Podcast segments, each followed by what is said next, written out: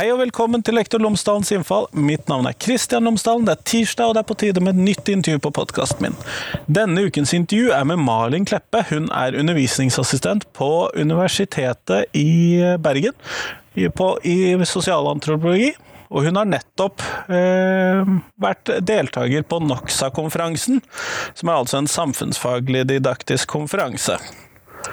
Eh, der snakket hun om eh, Barnekonvensjonen, asylsøkere, og særlig enslige mindreårige asylsøkere, og om Norge bryter Barnekonvensjonen, og dette som et case i samfunnsfag. Dette tar hun med seg og snakker med oss om også, slik at eh, dere også kan få gleden av dette. For dette er et interessant case med tanke på opplæring i menneskerettigheter, konvensjoner og andre internasjonale juridiske og nasjonale Dette sammensuriet her, som ofte kan være litt vanskelig å konkretisere for elevene. Her får du intervjuet, vær så god.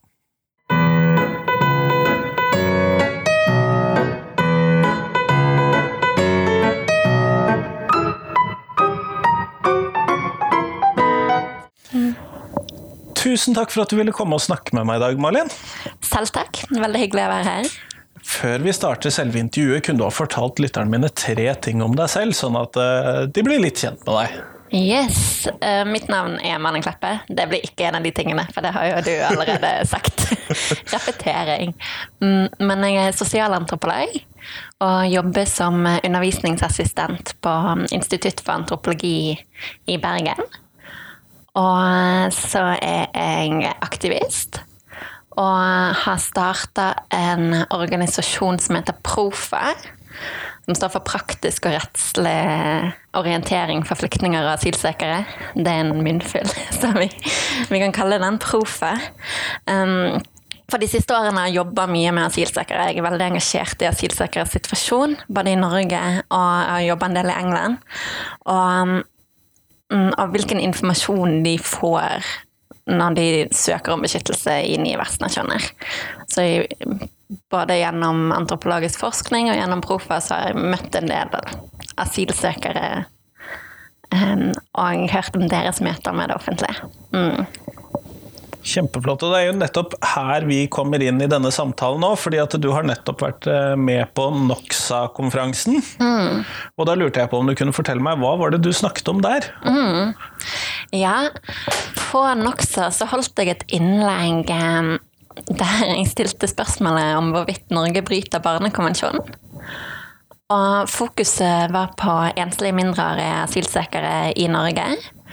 Og jeg ønsket å holde et innlegg. Dette var en konferanse for samfunnskunnskapsdidaktikk. En ganske smal eh, konferanse. Jo, men veldig interessant. Veldig interessant. Veldig interessant. Og jeg er ingen didaktiker, så det jeg da spurte den eminente didaktiske gjengen om, var hvorvidt eh, dette caset om enslige mindreårige asylsøkere kunne være med å belyse og invitere inn eh, gjerne eldre elever i samfunnskunnskap til kritisk refleksjon omkring menneskerettigheter, da med en forankring i eget samfunn. Jeg er opptatt av at eh, menneskerettigheter ikke skal fremstå som noe som land i sør bryter og Norge beskytter, for det er mer komplisert enn som så. Vesentlig mer komplisert enn som så. Ja. ja. Um, og dette med konvensjoner og rettigheter eh, inviterer jo òg inn til å forklare mer om forholdet mellom eh, internasjonal folkerett og norske lover og norske forskrifter. Og forholdet mellom juss og politikk, som er useparerbart, mener jeg, da, i asylprosessen særlig. Eh, og òg um, hvordan eh, et fokus på asylsøkere kan problematisere forholdet mellom oss og de andre. Så, så, det var spørsmålet jeg stilte i utgangspunkt. Mm. Mm. Eh, men tenk, eh, hvordan tenker du at vi bryter, barne, bryter konvensjonene med disse enslige mindreårige asylsøkerne? Ja, det er vanskelig. Disse konvensjonene er jo myk lovgivning, så å si. Um, uh, så, altså det er ikke sånne harde, klare rammer og det Nei. Så det, det fordrer en del fortolkning. Mm, så om vi bryter Barnekonvensjonen? Tja, blir jo svaret på det. Men eh, det som jeg problematiserer, det er en utvikling som har skjedd i Norge egentlig siden 2009. Der vi innførte um, en paragraf i utlendingsforskriften som muliggjør at asylsøkere mellom 15 og 18 år kan få midlertidig oppholdstillatelse. Som i praksis vil si at de får oppholde seg i Norge frem til 18-årsdagen sin, for så å bli returnert til hjemlandet. Og, og, kritikere vil jo mene at dette er et forlenget avslag heller enn et opphold. Og etter um, etter 2015, med den såkalte flyktningekrisen Nå lager jeg hermetegn for de beste bilder jeg på radio. Um, da um, økte bruken av denne forskriften i, ved å gi midlertidig avslag til 45 av alle enslige mindreårige asylsøkere. Så hvis man ser en graf på dette, så er det en sånn akselerering i å anvende denne forskriften. Som regjeringen argumenterte for at det skal vi bruke for å beskytte eh, sårbare barn til å ikke legge ut på flukt fra land som Afghanistan, Syria, Eritrea. Men det, det, ikke, det, det, fungerer ikke i praksis. For etter vi innførte denne forskriften, så har i 2009 så har det bare økt med unge mennesker og barn som flykter fra disse landene. Så det virker som at da det Dette mm, vilkåret som vi har lagt inn blir da òg satt i forhold til eh, Barnekonvensjonen, mener jeg da, der barnas beste skal være et grunnleggende hensyn i De individuelle barna, og ikke gruppen barn? Ja.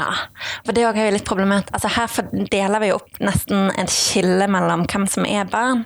Og er det da at de som er mellom 15 og 18 år, mister de da sin barnerett, og blir de mer fremtidige voksne? Er de spørsmålene jeg stiller, da. Mm. Hmm.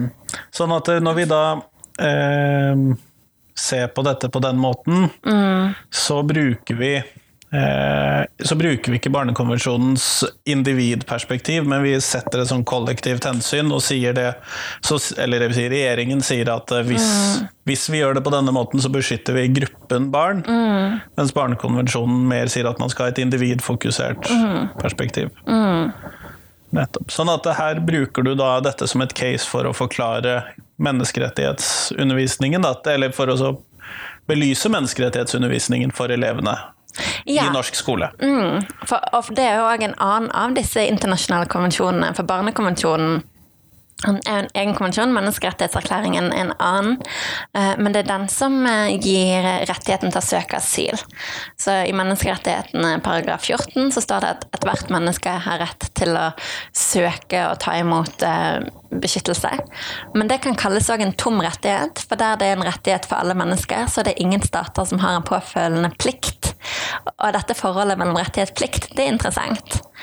Det Norge har, siden vi har ratifisert flyktningkonvensjonen, det er at vi har en plikt til å realitetsbehandle disse søknadene. Men det som man så etter 2015, var at veldig mange av de behandlingene av disse søknadene ble behandla etter forskrift 8.8, eh, og da fikk dette midlertidige avslaget. Så det er dette jeg vi kjenner jo kanskje mer Det er dette vi snakker om når vi snakker om disse oktoberbarna, f.eks. Som da var barn som kom til Norge i 2015. Gjerne fra land der de ikke opererer med en klar bursdagsdato. Så da ble det gitt en bursdagsdato av forvaltningen som var 1. oktober. Ja, nettopp fordi at 1. juni og 1. april er fulle, eller? ja.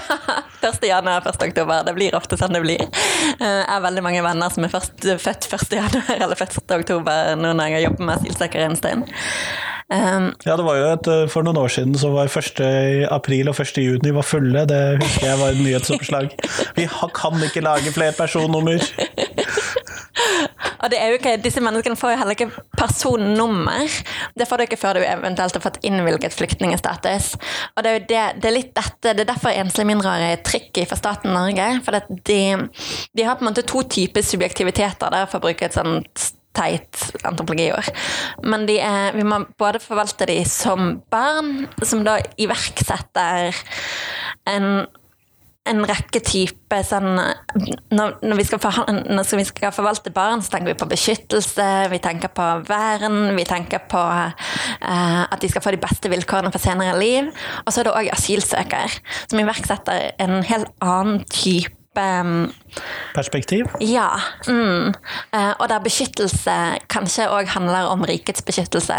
Eh, og vi snakker om det med innvandringsregulerende vilkår. Og det er jo derfor den eh, utlendingsforskriften òg har akselerert. Fordi det ble satt i perspektiv på innvandringsregulerende hensyn. Og det skal sies at når den eh, Når det ble i 2015 var det mange flere som søkte asyl i Norge. Det var nesten 32 000. Og litt over 5000 av de var enslige mindreårige asylsøkere. I fjor var det 191 enslige mindreårige asylsøkere som søkte asyl Ja, sånn at dette tallet har jo da endret seg voldsomt. Men når jeg hører at du sier f- en femtedel, eller var det en sjettedel du sa, som var eh, enslige mindreårige i toppåret? Du sa 5000 av 32 000, var det ikke det? Ja. Mm. Ut ifra hva jeg vet om befolkningen i f.eks. Afghanistan og Pakistan, og sånn, så er jo det en ganske liten andel. da. Jeg mener, Dette er jo land med 50% under 18 år, eller hvordan denne fordelingen nå er. Og og det er òg interessant å se hvem det er som får denne mm, midlertidige oppholdstillatelsen. For det er i all hovedsak ungdommer fra Afghanistan. Og da tenker jeg det er litt relevant også eh, se litt på hvordan Afghanistan er som land. Og da trekker vi inn en annen konvensjon. Eh, Det er flyktningkonvensjonen. Og i flyktningkonvensjonen så mm, er det en lang og ordtung definisjon som folk kan sjekke opp og lese. Eh, Jeg skal prøve å lenke til den i shownotene, så kan folk lese den hvis de vil. Det er superflott. Les gjerne den, den er veldig interessant. Men det som står i første linje der, er at en flyktning er en person som har en velbegrunnet frykt for forfølgelse. Pga. medlemskap i sånn fem underkategorier. Det, det kan være en sosial gruppe, politisk orientering etc., etc., etc. Implisitt i måten man fortolker flyktningkonvensjonen på, så er det at man blir forfulgt av staten. Så det er en statsforfølgelse der. Afghanistan er ikke et land med en sterkt sentralisert statsmakt. Nei, De vil jo ikke klare å forfølge befolkningen statlig. Nei. Det er et land som tradisjonelt er bygd opp av provinser, og politisk autoritet ligger i provinsene. Eller det- krigsherrer, eller klaner, eller familier. eller- religiøse ledere. Ja. Mm. Og søker du asyl på grunn av at det er um, din onkel som forfølger deg, så er ikke vi forpliktet til å innvilge beskyttelse. Så det vi gjør med afghanere, er at vi sender dem tilbake til intern eh, flukt i Kabul.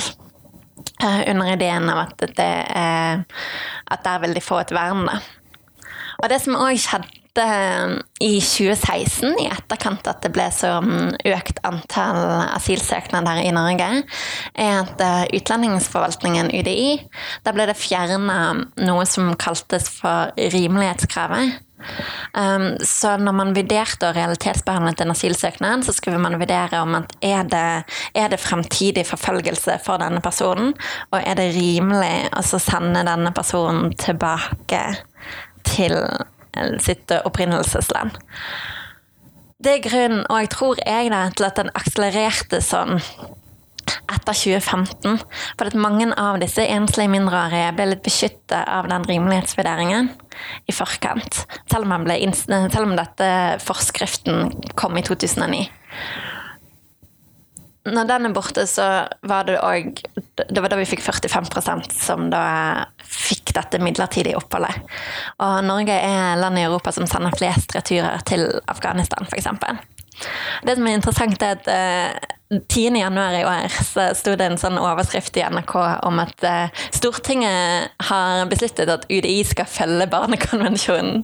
Uh, som jeg syns var en fin overskrift. Jeg trodde vi besluttet den dagen vi underskrev den. ja. Og det var en liten notis. eh, Og som òg har vært oppe mye til politisk debatt nå. Det er òg i forhold til disse oktoberbarna. Og da har de innsatt nye sårbarhetskriterier.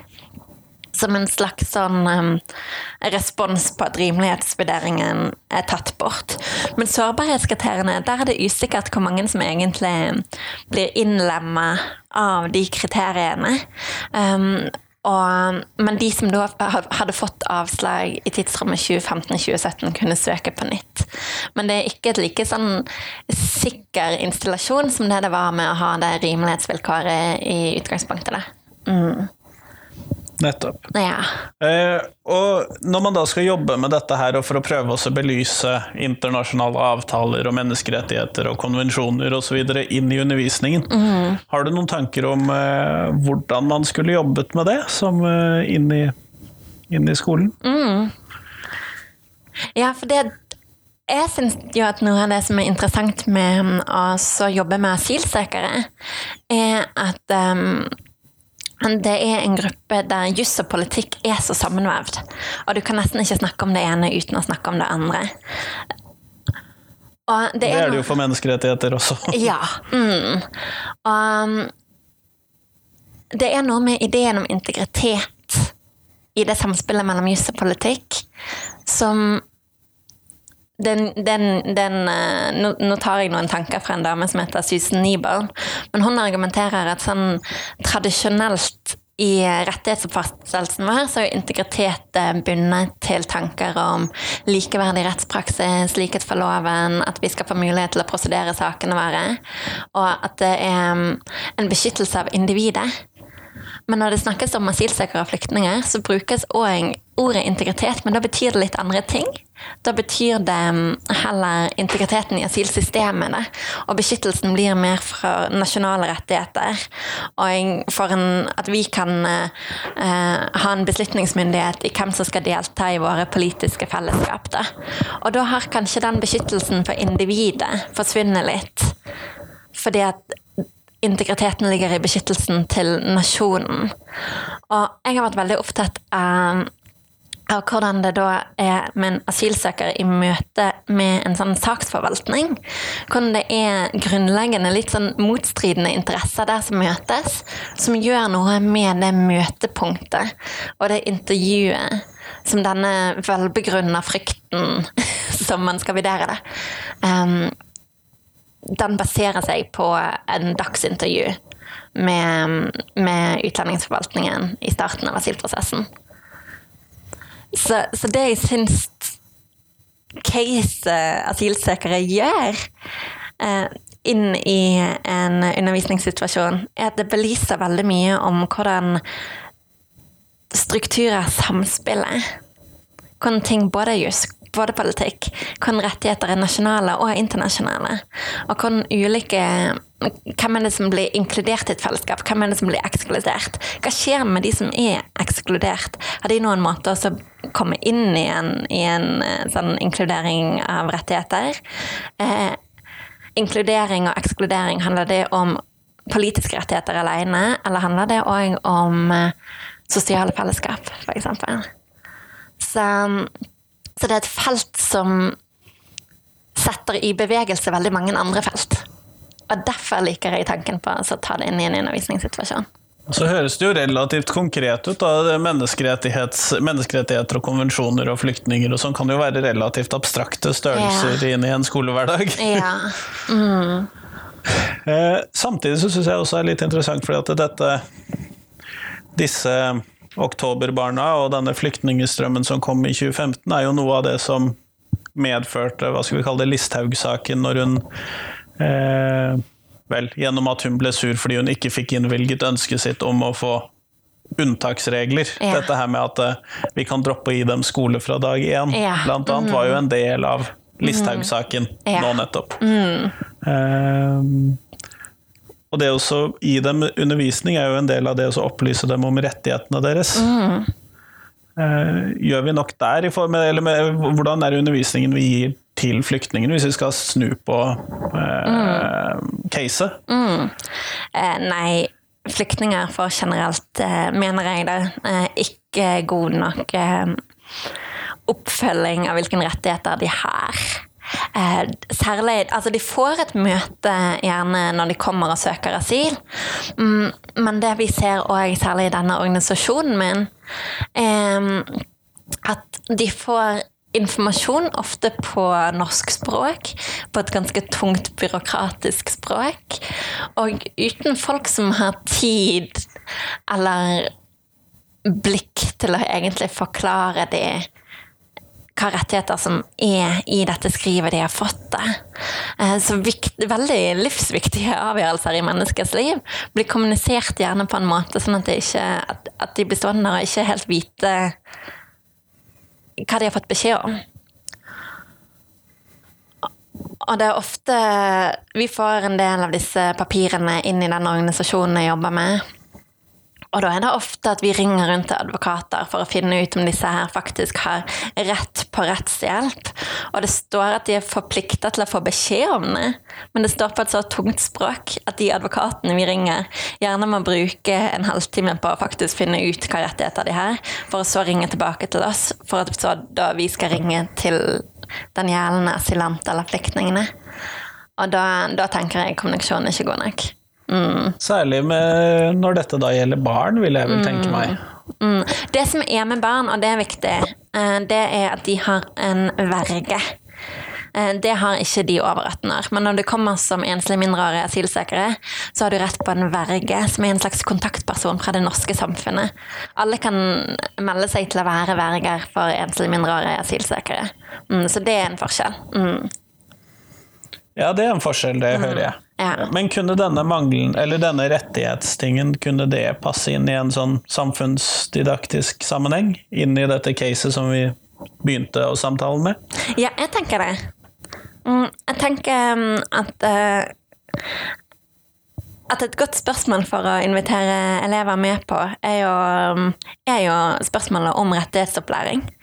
Og For målet er jo at jussen skal være tilgjengelig nok for alle, men det er den ikke. Um, for asylsøkere så er ofte vilkårene og konsekvensen av det et spørsmål om Spørsmålene der er jo sånn får jeg bli, får jeg dra? Det kan være mer sånn liv og død, så det er veldig sånn ekstrem case. Um, men også ha, ha med elevene i, ehm, for, i, i, spørsmålet om hvordan forstår vi rettighetene vi har. Det, det syns jeg høres veldig interessant ut. Kanskje gi dem noen av disse forvaltningspapirene og be de tolke dem. For har man eh, Det skal jo egentlig være tilgjengelig. Mm. Ja. Mm. Eh, jeg kan jo også tenke meg at det vil være interessant for disse elevene å kanskje starte med hvilke rettigheter de selv har. Det skal mm. de i mm. hvert fall gjennomgå i 10. klasse, mm. så vidt jeg husker. Mm. Eh, og derfra prøve å gå videre til å forstå hvilke rettigheter man har som eh, asylsøker oppi det hele. Ja. Eh, men når du, tar, når du, holdt dette foredraget, eller dette spørsmålsstillingen, mm.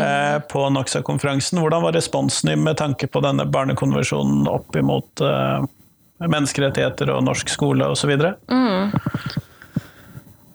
Det var veldig interessant. Jeg var ganske nervøs, for jeg er jo ingen didaktiker. Mm. Men det var et uh, imøtekommende fellesskap. Det, det setter jeg pris på. Uh, og det var vel det at det jeg kom med, var ganske konkret. Og, og, det vi snakket om i etterkant En av de tilbakemeldingene jeg fikk som jeg syntes var særlig interessant, det er jo at når jeg presenterer dette Jeg har jo en normativ slagside. sant? Mm. Jeg er aktivist, jeg jobber med asylsøkere nå i uh, syv år.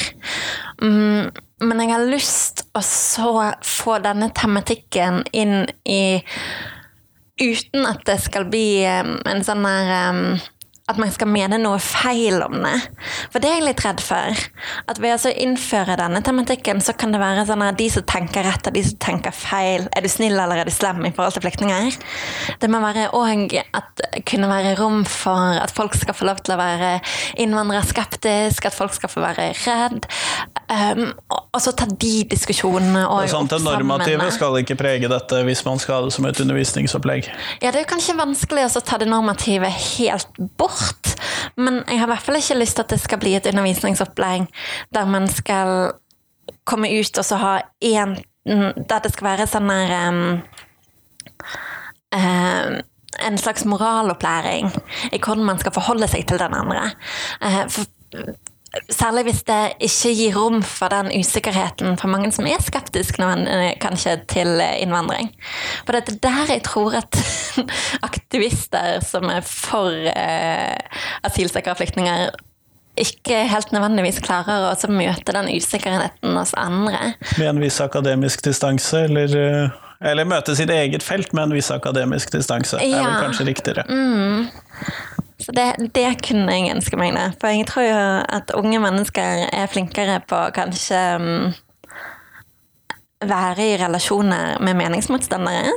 At jo eldre du blir, og jo mer på en måte inni din egen disiplin du er, så trenger ikke du å møte så mange som er uenige med deg selv. På skolen så må du møte folk som er uenige med deg selv.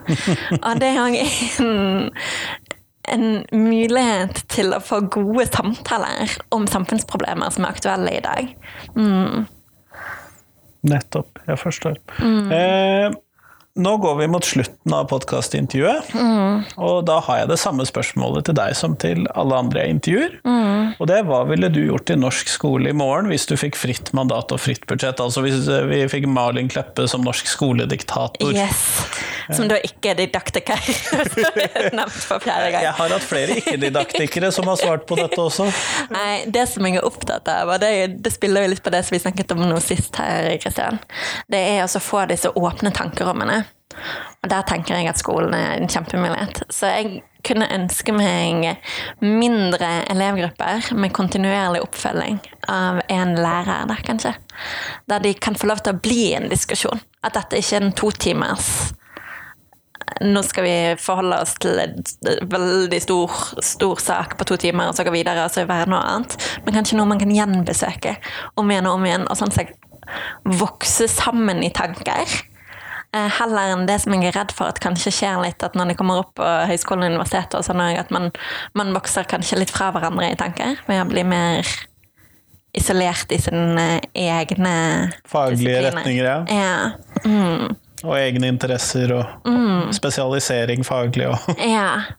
ja. det er noe med den sammensmeltningen av ulike mennesker på skolen som er kjempeinteressant. Mm. Mm. Ja. Nei, men Kjempeflott. Tusen takk for at du kom og pratet med meg i dag. Bare hyggelig. Takk for at jeg fikk komme.